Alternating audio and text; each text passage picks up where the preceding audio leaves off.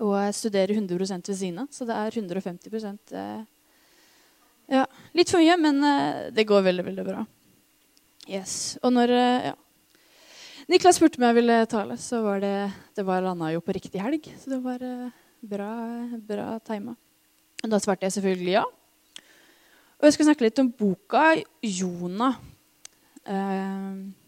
Jeg skjønte at dere har gått gjennom en del, en del småprofeter allerede. Dette er vel en av de minste småprofetene. Eh, mm. Jeg tar og ber før vi hopper, hopper i det.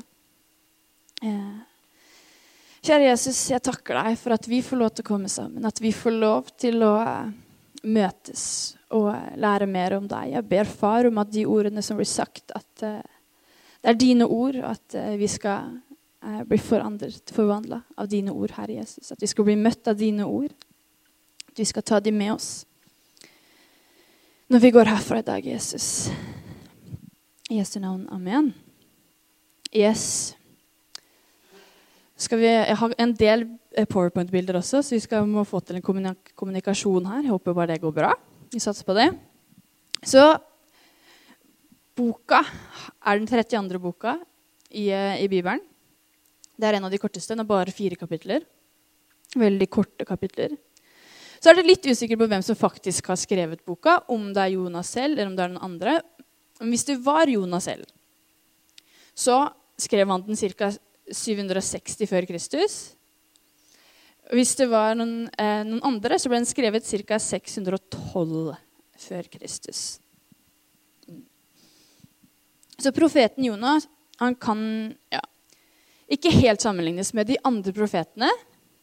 For det her er nemlig en, det er en bok om en historie om profeten istedenfor noe som profeten faktisk sier. Um, vi, han blir nevnt én gang før boka. Han blir nevnt eh, han profeterer da Jeroboam den andre, som var Israels konge, var i stand til at, ja, at han var i stand til å vinne tilbake de palestinske områdene.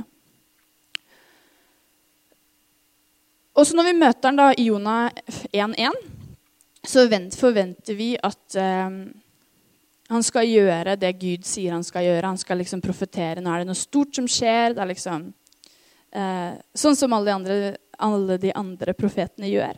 Men Jonah gjør det motsatte, som vi vet. Jonah, ja.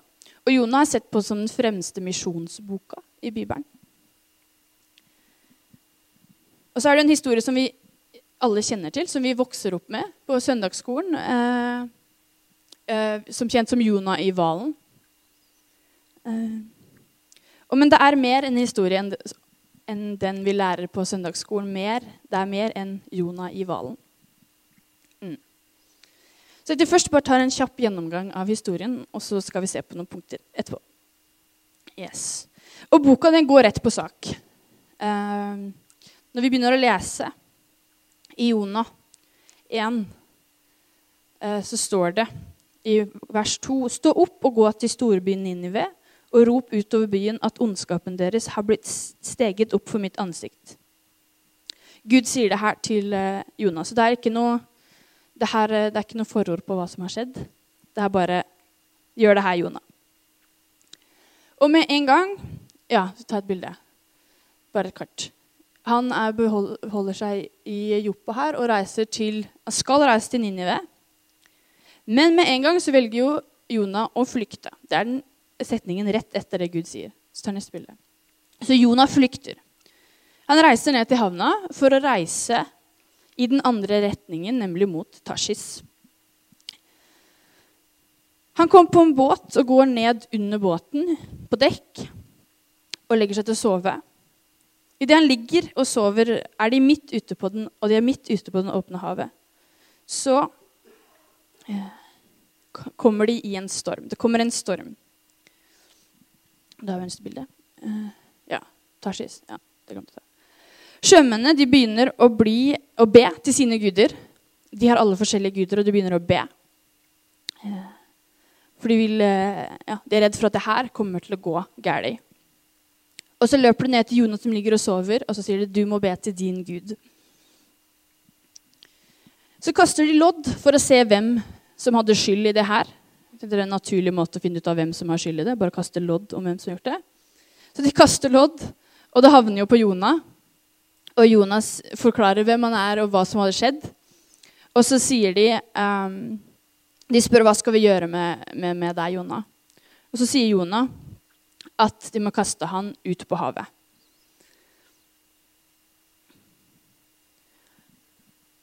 Og da holdt havet opp, og det ble stille.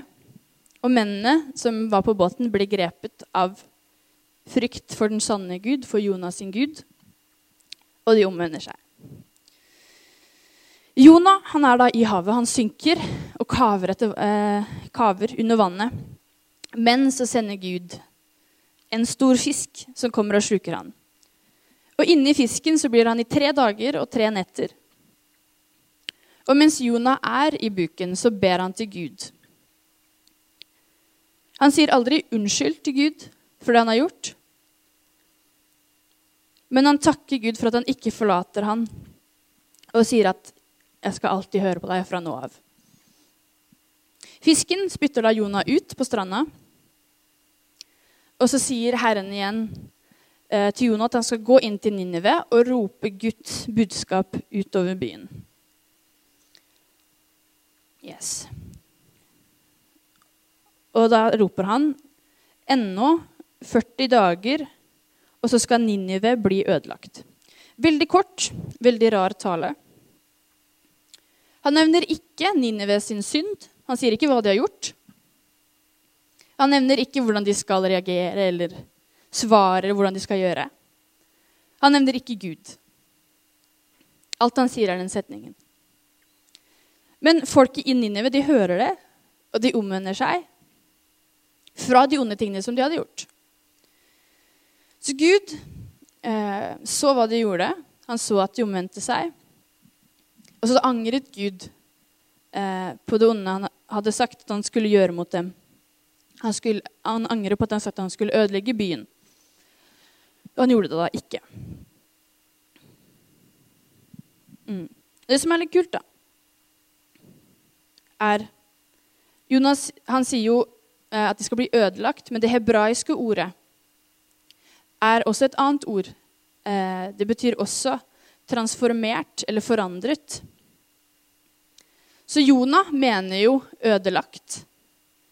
Men det han ikke vet, er at han faktisk er profetisk. At han i den lille setningen han sier, så er han profetisk i det han sier.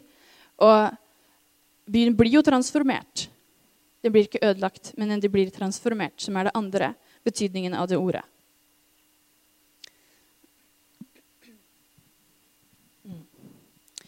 Og så hadde Jonah kommet seg, han kom seg ut av byen og satte han seg under en løvhytte.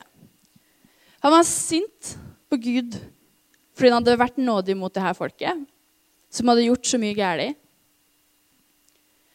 Og så Han sa at det var akkurat derfor han ikke hadde lyst til å reise i første omgang.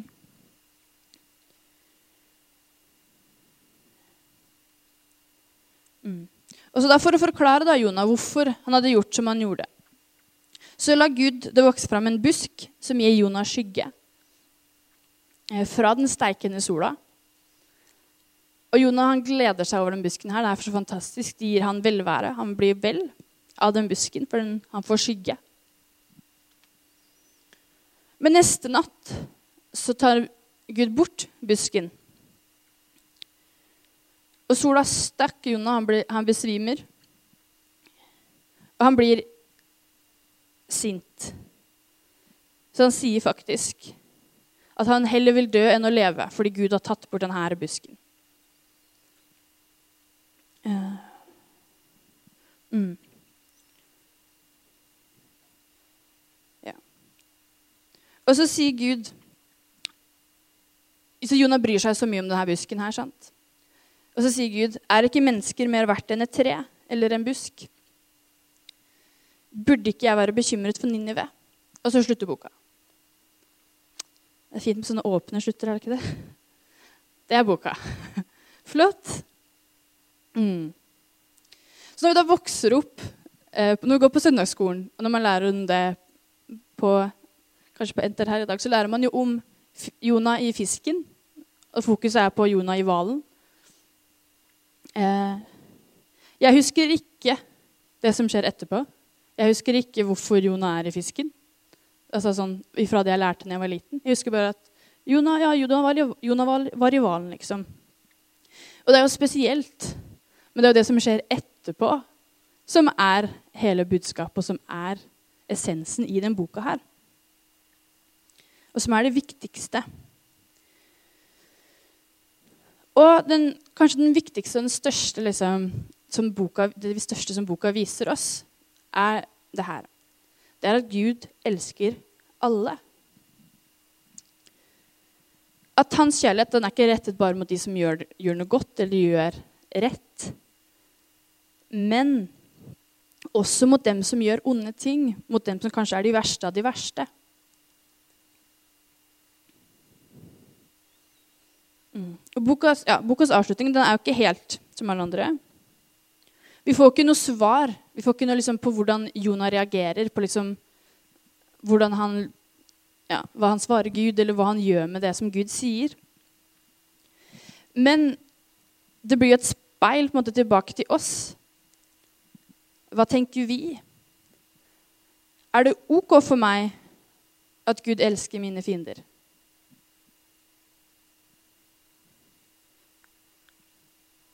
Er, det blir liksom en utfordring til oss. En sånn Hva tenker du? Mm.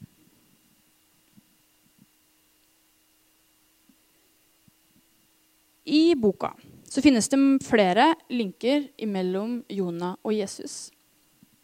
Det gjør det jo gjennom hele Gamle testamentet. Man finner jo masse. Og i Matteus evangeliet så sier faktisk Jesus selv at det er en link mellom han og Jonah. Og det er den eneste profeten som han selv linker seg til, som han selv sier at vi har en connection. Selvfølgelig så er Jesus mye større. og det er liksom, kan De kan ikke sammenlignes, de to. Men det er noen ting som skjer, som gjør at det er en viss likhet. Både Jesus og Jonah var om bord i en båt. De var midt i en livstruende storm. Og begge lå på dekk og sov. Forskjellen var bare at Jonah ble kasta over bord, mens Jesus han stilna stormen. Men båt, stormen ble også stilna når, når Jonah ble kasta over. Så begge to stilna stormen. Jonah ble jo straffa for sin synd ved å bli kasta over bord. Og sjøfolket om bord, i båten, de omvendte seg. Mens da Jesus han tok straffen vår Han ble straffa for vår skyld, og han frelste alle. Så begge tok straff, og, noen, og en reaksjon på det var at noen ble frelst. Mm. Og da I Matteus 12 så er det noen fariseere. De utfordrer Jesus for å vise dem tegn på at han er den sanne Messias. Og så irettesetter Jesus dem og sa at de ville få et tegn fra Jonah. Så ga han denne sammenligningen. For slik profeten Jonah var i buken på den store fisken i tre dager og tre netter, slik skal menneskesønnen være i jordens dyp i tre dager og tre, og tre netter. Der sier han jo selv i linken. Mm. Og den siste jeg tar fram, er dette, altså dette budskapet da, om Guds kjærlighet. Det finner vi jo igjen i det mest kjente bibelverset, Johannes 3, 16. For Guds kjærlighet til menneskene de fikk sitt endelige uttrykk i Jesus. Gud viser jo i Jonah at han elsker alle. Og det gjør han igjen gjennom Jesus. Mm. Så da er spørsmålet Hva kan vi lære av Jonah? Hva kan vi ta med oss? Mm. Vi lærer jo selvfølgelig at Gud elsker alle, som jeg har sagt flere ganger. Til og med de som ikke fortjener det, til og med de som er de verste av de verste. Da, hvis vi, eller hva om vi som enkeltpersoner eller som menighet setter oss i Jonas sine sko, og vi har den samme holdningen som Jonah, så vil vi jo ikke fullføre det oppdraget som Gud har gitt oss. For Gud har gitt oss alle et oppdrag. Vi har fått et kall, hver og en av oss. Det er ikke bare profeter eller pastorer eller menighetsfolk som har fått et kall. Alle har jo fått et eller annet kall i livet. Og hvis vi løper fra Gud, hvis vi har den holdningen at vi ikke vil ha noe å gjøre med de som ikke er like som oss, de som ikke er kristne, de som ikke gjør de samme tingene som oss, så flykter vi fra Guds kall. Og vi får ikke en sjanse til å fullføre det oppdraget som vi har blitt gitt. Det er ikke sikkert man blir kalt 1000 km vekk, eller at man blir kalt vekk et sted.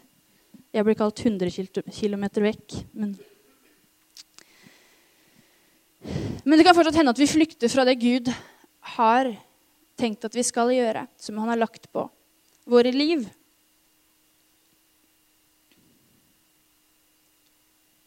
Lever du i ditt kall? Lever du ut ditt kall?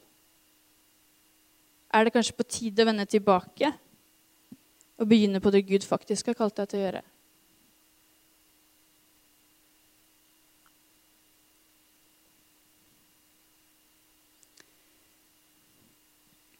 Ett overordna kall som vi alle har fått, som alle menigheter, alle kirker har fått, som Jesus gir oss, det er å spre budskapet til den som ennå ikke tror. Misjonsbefalingen. Eh, og jeg tror faktisk at flere menigheter og kirker og mennesker flykter fra det her. Eller kanskje gjemmer seg for det. Man er komfortabel og fornøyd med hvordan man har det, med de menneskene som er rundt seg med hvordan ting fungerer. Man vil ikke at ting, noen skal komme inn og ødelegge den dynamikken. Kommer det inn noen nyforelste eller uforelste, så må man jo ha et opplegg for dem. Man må ha alfakurs, man må bruke ressurser på dem. Kanskje ressurser man ikke har.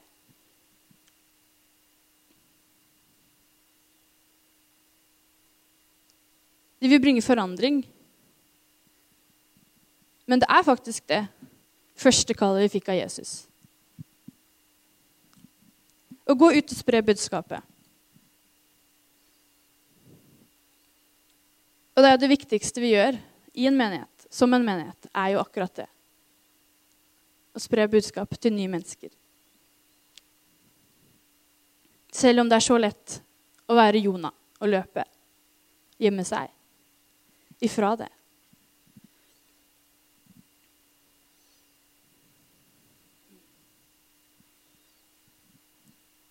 Tenkte jeg skulle liksom fått en, pros, en sånn statistikk, en prosent, men jeg har ikke helt tallene. Så det blir en sånn cirka-greie. Det er jo litt over 5000 mennesker i Øyer. Nå skal vi si at det er 50-60 innom her i løpet av en uke. Ja. Det er litt, sant, det er litt over 5000 da, i Øyer. Jeg fant et tall på 5080. Så er det 50-60 innom her. Det vil si at det er, og så er det jo noen som går andre kirker andre steder. sant? Men det er jo da ish 5000 mennesker i Øyer som kanskje enda ikke tror.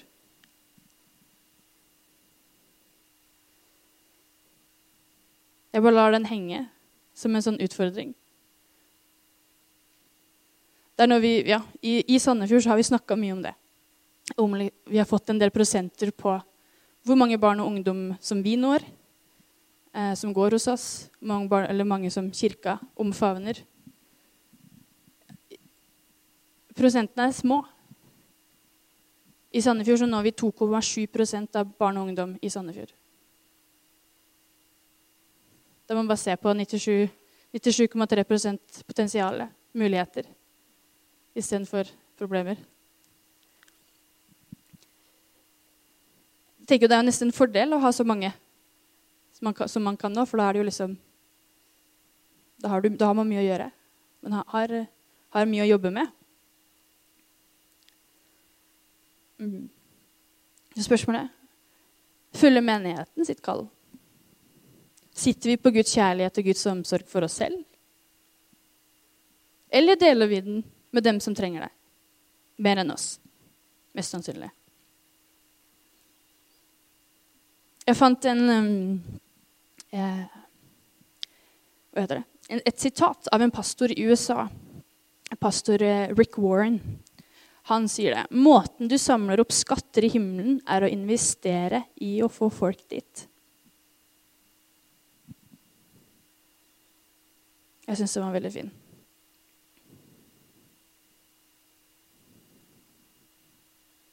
Mm. Og noe som jeg vet vi alle føler på, kristen eller ikke-kristen, vært her lenge eller ikke Vi kan ofte føle at Gud er eh, borte, eller vi føler at han forlater oss. At han har forlatt oss. Når vi gjør noe dumt, eller ja, Når vi gjør noe dumt, eller bare noen ganger så føler vi det. At han bare forsvinner. At han bare ikke er der. Er, vi snakka en del om det på Tentro nå, denne uka her. Jeg har Tentro eh, også.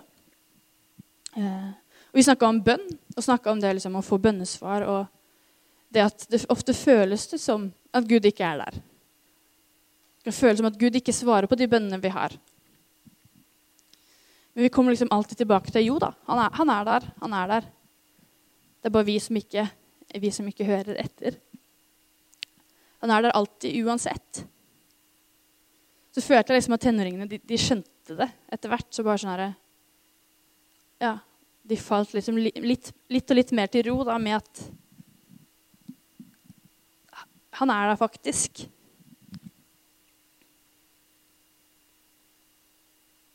Og Gud, han har ikke forlatt deg. Selv om, han, om vi flykter. Sånn som da Jonah var i hvalen. Nei, jeg ble kasta på havet så sendte jo Gud den store fisken. Det er Gud som sender fisken. Det er ikke bare en tilfeldig fisk som er der og spiser Jonah. Så er han heldig at han blir spytta opp, opp igjen. Det er Gud som faktisk sender denne fisken, og som tar, da, tar vare på Jonah i, eh, i, magen sin. Og skulle han da ikke da sende en fisk til oss også, om vi føler at vi er litt på ville veier? Det tror jeg absolutt.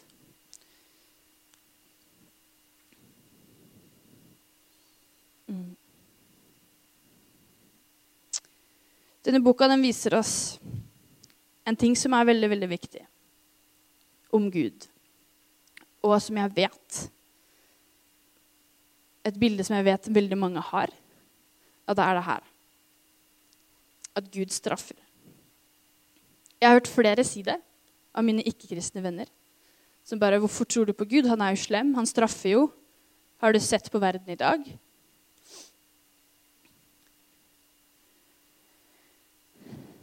Men Jonah, eller den boka her, viser jo oss at Gud straffer ikke. Ikke, ikke selv, altså selv, om vi gjør de tingene som han sier at vi ikke skal gjøre, selv om vi gjør onde ting, så straffer han oss ikke. Han sier det jo selv. Skulle ikke jeg ha omsorg for byen Ninive?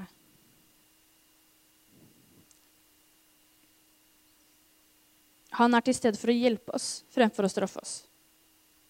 Han gir Ninive en ny sjanse. Og Dette bekrefter jo Jesus også. Jesus som er jo vårt store forbilde. Og her også er han det. Hvem er det han bruker mesteparten av tiden sin sammen med? Jo, det er de menneskene som gjør det de ikke skal gjøre, det som ikke har fulgt loven. De menneskene som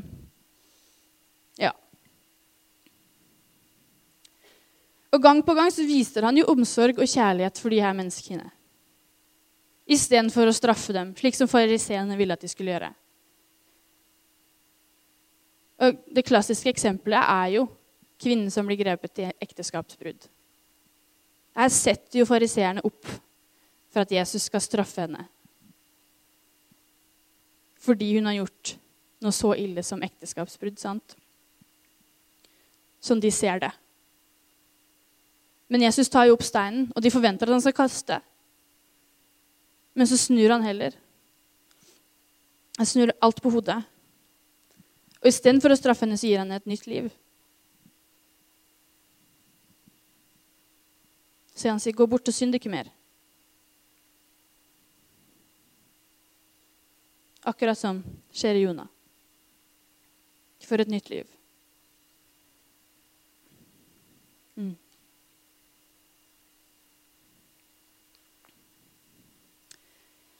Hvem skulle tro at en så kort, liten bok på fire korte kapitler hadde så mye i seg? Jeg ble overraska når jeg har sittet nå og lest i den og ja, gått mer i dypet på det. At det er mer enn Jonah i hvalen. Det er mer enn den lille historien som vi lærer.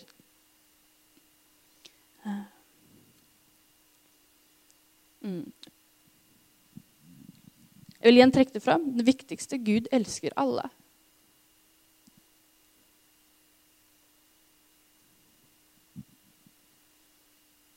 Og selv om ikke vi har lyst til å vise kjærlighet overfor alle, så vil Gud det.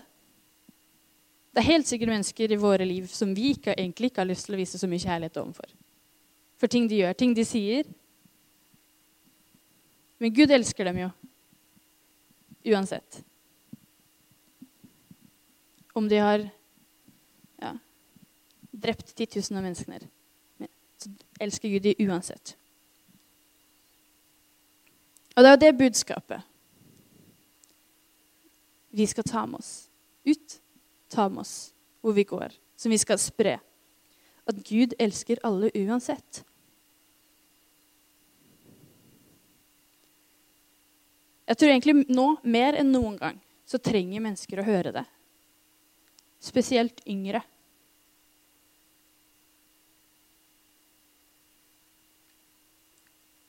Det er så mye depresjoner, og det er så mye ensomhet blant unge. Altså, selv ungdom som vokser opp i kirker og i menigheter, sliter. Så jeg tror det, ja, det, er viktig å ta med det her til alle vi møter. At Gud elsker dem.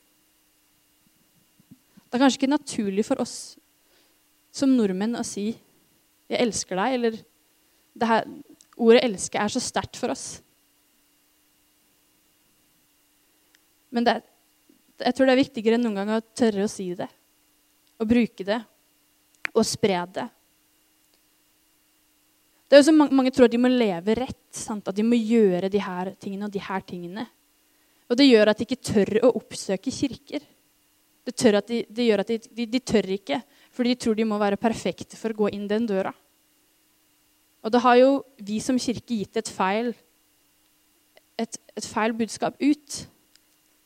At de må, de må, være sånn her og gjøre sånn her for å komme dit. Ja, men jeg er Jeg leser ikke Bibelen hver dag. Ja, men jeg, jeg er samboer. Ja, men jeg gjør sånn og sånn. So what? De må vite det. At Uansett hva de har gjort, uansett hva som har skjedd, så kan de komme hit. Og de, vet, de kan jo ikke vite det hvis ikke vi forteller dem det. Hvis ikke vi gjør om på det forvrengte bildet de har av Gud og av kirke.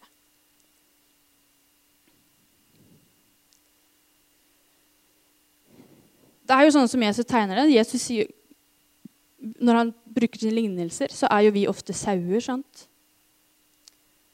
Og sauer de trenger noen å lede dem hjem. De trenger noen til å komme og hente dem, møte dem der de er, og ta dem med tilbake. Og sånn er vi jo. Vi trenger noen til å komme og møte oss der vi er, for så å ta dem med. Du kan ikke stå her og rope 'kom hit', men du må gå og møte dem der de er, og ta dem med på veien. Sånn som du gjør med en fortapt sau.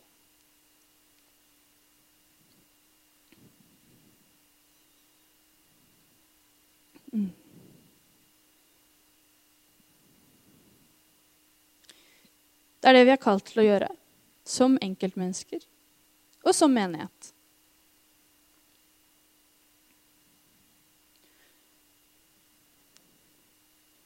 Og selv om vi kanskje er på flukt ifra kanskje det fra misjonsbefalingen, kanskje det overordna kallet som alle har fått, eller fra det individuelle kallet, så er det aldri for sent å snu.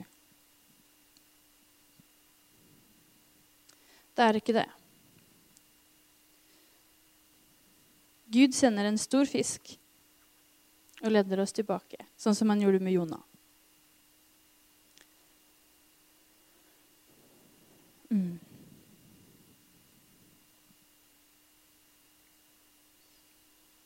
Så jeg tenker den største liksom, Det man må ta med oss, det er det å hjelpe eh, folk som har et forvrengt bilde, med å vise dem Gud straffer ikke.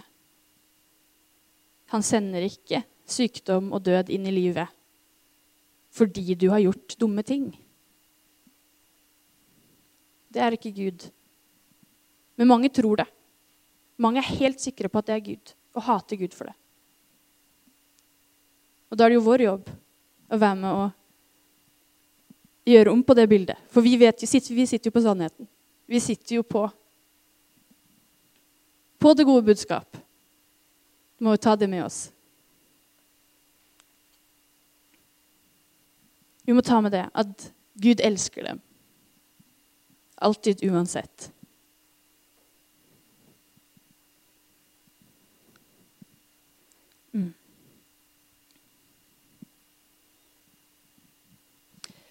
Jeg har lyst til å avslutte med en bønn for dem som føler at de kanskje er på vekk. De er på vei vekk fra det Gud vil at de skal, dere skal gjøre. Det kan være ja, hva, Du vet selv hva det er for noe. Gud vet hva det er for noe. Om det er misjonsbefalingen, eller om det er det kallet som Gud spesifikt har gitt deg. Så det er ikke for sent. Det er aldri for sent å vende tilbake. Det er ikke som når du reiser på fjellet at du må snu i tide. Det er aldri for sent. Mm. Så jeg har lyst til å be en bønn nå. Kjære Jesus. Jeg takker for at du ser hver og en som sitter her. Jeg takker for at du vet akkurat hva som foregår i deres liv. Nå ber jeg, Herre Jesus, om at du skal komme. Du skal komme og vise veien tilbake til det kallet som du har gitt. Du skal ta det med på veien tilbake. På den rette veien. Jeg ber om at du skal Du skal være med å gi styrke. Du skal være med å gi kraft i det de går ut og inn i det her kallet. De skal kjenne det at du er der. Hvert eneste skritt på den veien. De går ikke alene. De kan spre det her budskapet. De kan gjøre det her gjennom din kraft. Vi bare takker deg, Herre Jesus, for at uh, vi får lov til å gjøre det vi, det vi gjør. At vi får lov til å gå ut og være med og spre din kjærlighet til mennesker. At vi, vi, får lov til å være med å transformere liv. Lede de hjem til deg, Herre Jesus.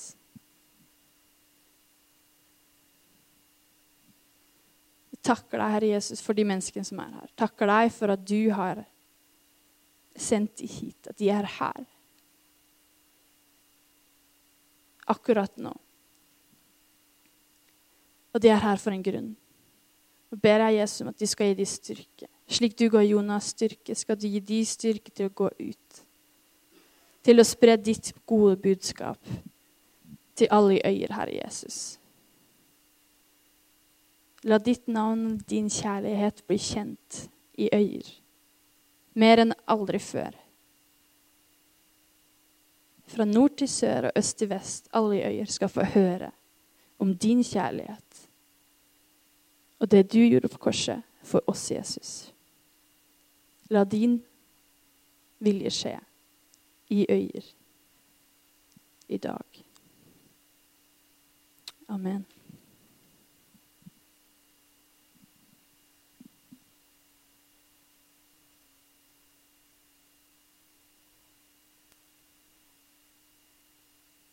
Tror vi bare fortsetter å eh, be til Gud og, og tilber, og så, så tar vi lovsangerne og, og spiller litt uh, imens.